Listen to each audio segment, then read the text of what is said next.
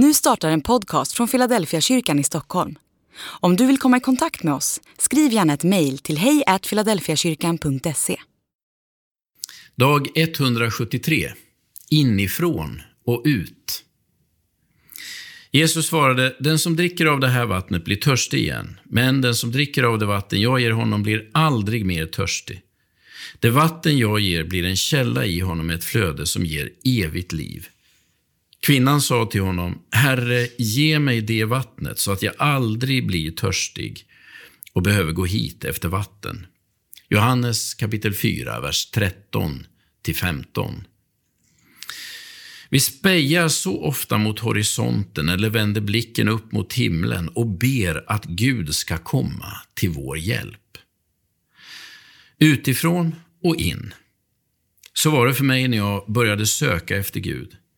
Jag brukade ligga i sängen hemma i pojkrummet och titta ut mot gardinerna eller upp i det mörka hörnet och be att Gud skulle ge sig till känna så att jag kunde se det och förstå det. Men ingenting hände.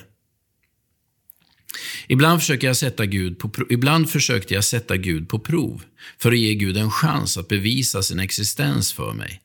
Jag bad om att bussen skulle komma i tid, att jag skulle lyckas på provet eller att jag skulle vinna en tävling. Hela tiden sökte jag runt omkring. En Gud som skulle komma utifrån och in. I ingenting hände. Jo, någon gång vann jag, men lika ofta förlorade jag. Rent statistiskt tror jag att ungefär hälften av alla mina gudstest slog in.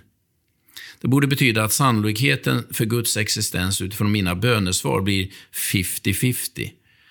Jag insåg i alla fall ganska snabbt att bönen inte var en genväg för att lyckas med proven, idrotten eller busstidtabellen. Hur mycket jag än bad var jag fortfarande tvungen att plugga, träna och hålla tider.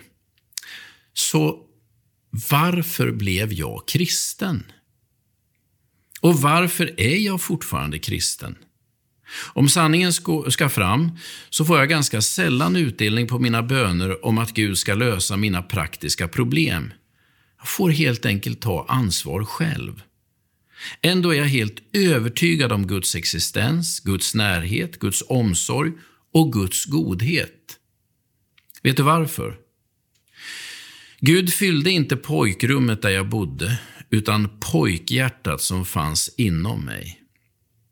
Gud visade sig inte i gardinen i rummet, utan viskade i djupet av mitt innersta. Gud dök inte upp som en främling som körde bussen, som jag egentligen skulle ha missat. Gud kom genom sin ande som chauffören i mitt inre. Gud kom inte utifrån och in, utan inifrån och ut. Söker du efter Gud på rätt ställe? Jesus säger att det vatten han ger blir en källa i honom som dricker av det. Be att Gud rör vid ditt hjärta och fyller ditt inre.